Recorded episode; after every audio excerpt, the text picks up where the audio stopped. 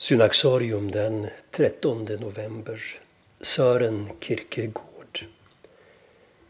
Den 20 januari år 1843 publicerade Sören Kierkegaard sin första bok.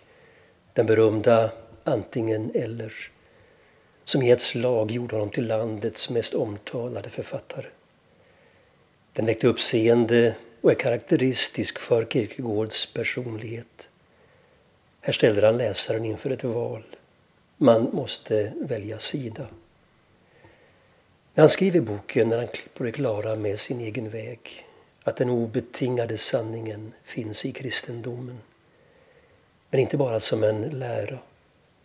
En bärande tanke hos Kierkegaard är att människan måste göra sanningen till sin egen för att den ska ha något värde. Vad hjälper det om Jesus föds tiotusen gånger i Betlehem om han inte föds i mitt hjärta, kunde han säga.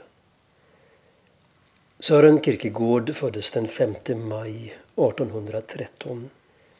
Hans far Mikael Pedersen Kierkegaard hade som pojke vaktat får på heden i sin födelsebygd i Västjylland. Men vid 12 års ålder sänds av sin far till Köpenhamn för att gå i klädeshandlarlära hos sin morbror. Fadern var 56 år när Sören föddes och modern 45. Hemmet präglades av en from luthersk tro och från fadern ärvde Sören en melankolisk läggning. Den unge Sören Kierkegaard sökte sig till universitetet i tanke att bli präst men det tog honom tio år att få sin examen. Han blev aldrig ordinerad. Det var filosofin snarare än teologin som fångade hans sinne. Kierkegaard levde under en epok när Hegels idéer präglade tänkandet och den tyske filosofen skulle bli hans måltavla.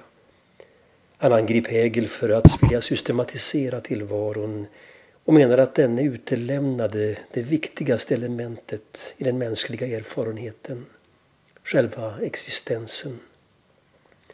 Det var inte idéerna som betydde något, utan erfarenheten. Förlusten av en älskad, upplevelsen av skuld och ångest. Frågan om meningen står i centrum i hela hans författarskap. Kierkegaards eget svar på meningsfrågan var tron. Endast genom tron är det möjligt att uthärda tillvarons lidande och smärta.